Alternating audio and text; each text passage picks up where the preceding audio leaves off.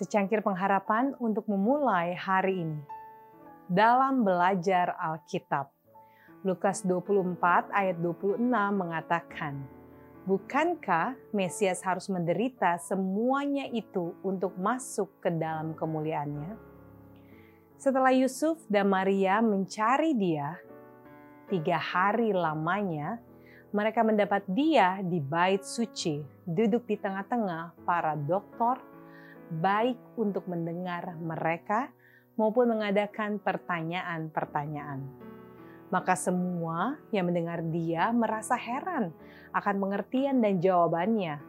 Ia mengajukan pertanyaannya dengan sifat-sifat menarik yang mempesonakan orang-orang alim itu. Ibunya tak dapat berbuat apa-apa selain mencamkan perkataannya, rohnya penurutannya yang sukarela kepada semua perintahnya.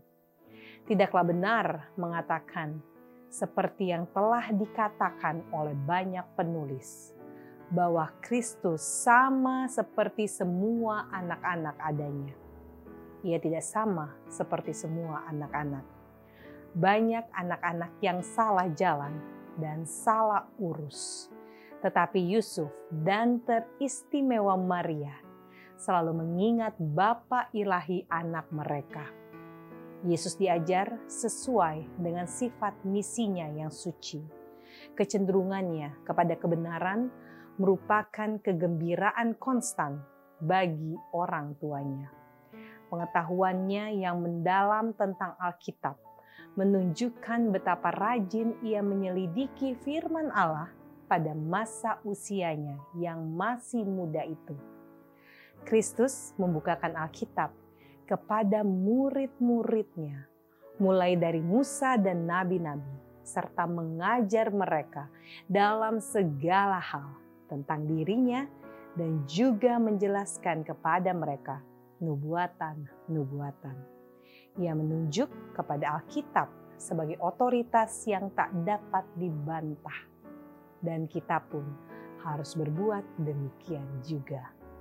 Saudaraku yang kekasih di dalam Kristus, setiap anak boleh mendapat pengetahuan sama seperti yang Yesus perbuat. Ketika kita berusaha mengenal Bapa kita yang di surga oleh firman-Nya, malaikat-malaikat akan datang dekat. Pikiran kita akan dikuatkan. Tabiat kita ditinggikan dan dihaluskan. Seperti Kristus, haruslah kita dapat menghadapi musuh pada masa pencobaan dengan ada tertulis. Demikianlah dengan kita hari ini, selalu mulai hari Anda dengan secangkir pengharapan.